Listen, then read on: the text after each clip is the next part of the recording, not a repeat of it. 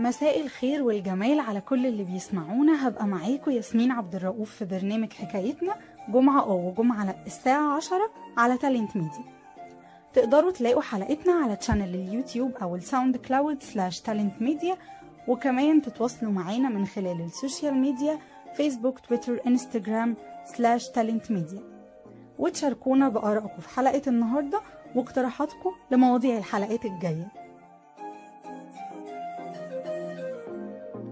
ليه برنامجنا اسمه حكايتنا. عشان ببساطة هنحكي فيه عن حياتنا واللي بنعيشه فيها. هنحكي قصص وحكايات ومواقف. هي مش هتبقى حكايتي لوحدي ولا حكايتك. هتبقى حكايتنا كلنا.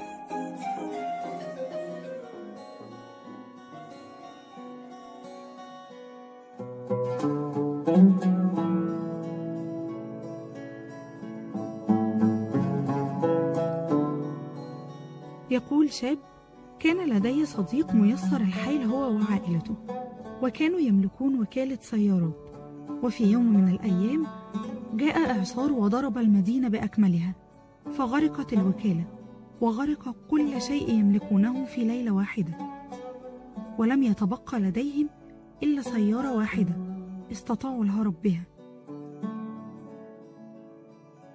وعندما قمت بزيارة صديقي بعد عام من الحادثة رأيته يقوم بتوصيل البيتزا في تلك السيارة. فقد كانت كل العائلة تقريبا تعمل في ذلك المحل. وكانوا من قبل يعيشون في رفاهية ويجنون أموالا طائلة بكل سهولة. ولكنهم تحولوا إلى مجرد عاملين في محل لا يملكونه حتى. فإذا مر أي شخص بتلك التجربة ما الذي سوف يحدث له؟ ومع ذلك لم أرى أجمل من ابتسامة تلك العائلة بأكملها. وعندما سألت صديقي لماذا أنتم سعداء هكذا؟ لقد مررتم بكل هذا وما زلتم مبتسمين وسعداء. فقال لي عندما كانت تجارتنا جيدة كان أمرا جيدا بالطبع ولكن لم يكن لدينا راحة البال ولا الوقت الكافي للتجمع ولا التفرغ للعبادات. أما الآن لا يزال هناك سقف فوقنا وطعام على مائدتنا وأيضا راحة البال فحياتنا أصبحت أكثر سلاما. فنحن لم ولن نستسلم أبدا لليأس أو الإحباط.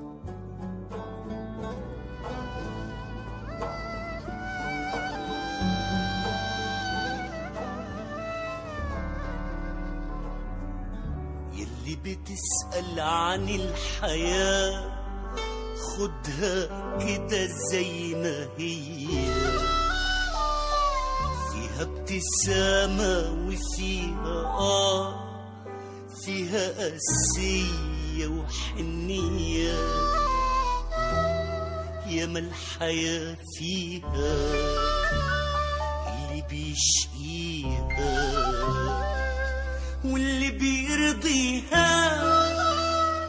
واللي قاسيها يلي بتسأل عن الحياة خدها كده زي ما هي. فيها ابتسامة وفيها آه فيها قاسية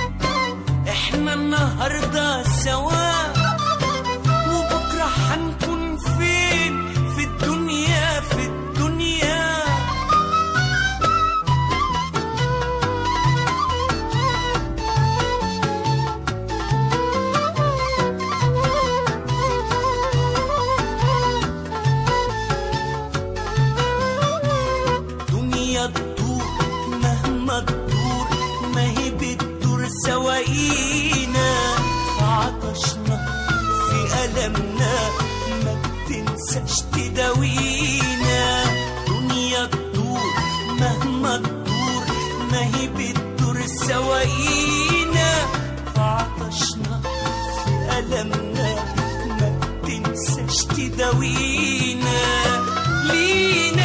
الحب لينا قبل الجراح ما تدق بابنا. جينا ومدين إيدينا. اللي يصيبنا اهو من نصيبنا.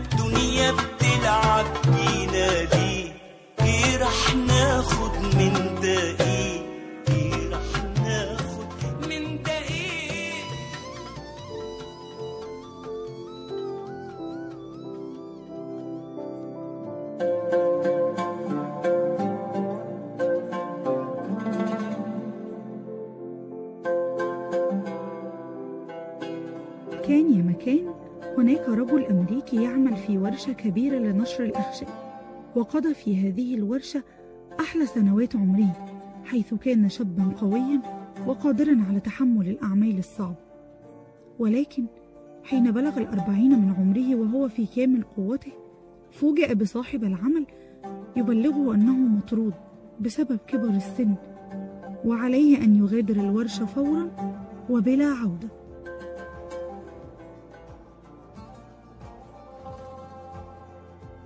وفي تلك اللحظة خرج الرجل إلى الشارع بلا هدف وبلا أمل وتتابعت في ذهنه صور الجهد الضائع الذي بذله على مدى سنوات فشعر باليأس والإحباط وكأن الأرض قد ابتلعته فغاص في أعماقها المظلمة. لقد أغلق باب رزقه الوحيد فهو وزوجته لا يملكان أي مصدر للرزق غير أجره البسيط من ورشة الأخشاب.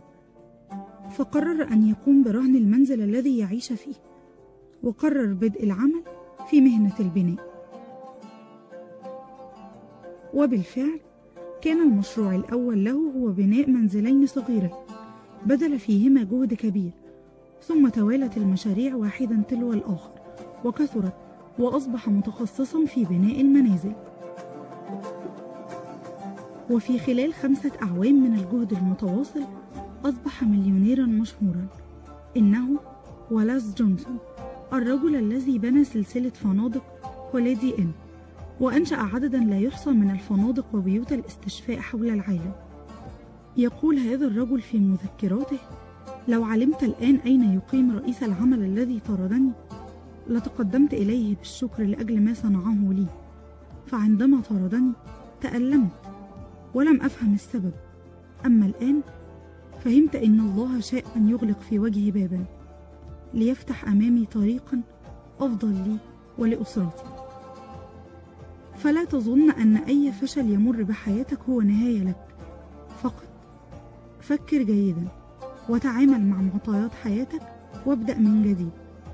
فالحياة لا تستحق أن نموت من أجلها لأننا بيدنا أن نكون الأفضل.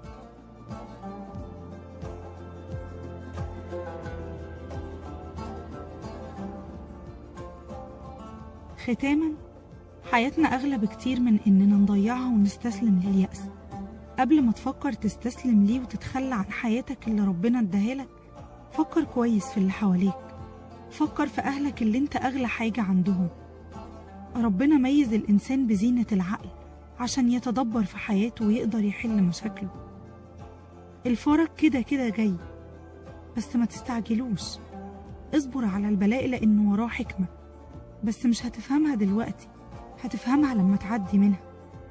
وأخيرا قال الإمام الشافعي ضاقت فلما استحكمت حلقاتها فرجت وكنت أظنها لا تفرج.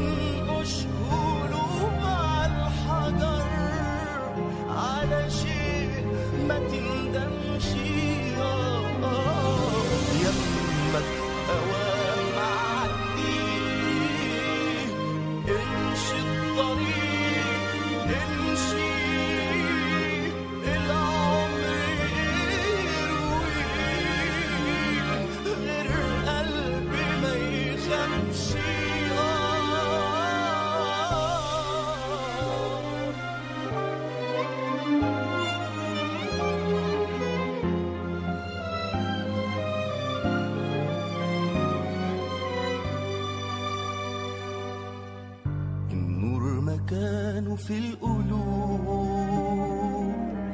احضن خيوط شمس الغروب. يا تكون قد الحياة يا تعيش وحيد وسط الدروب. في ناس كتير ترضى المصير. وناس تشوف بضمير ضرير. يا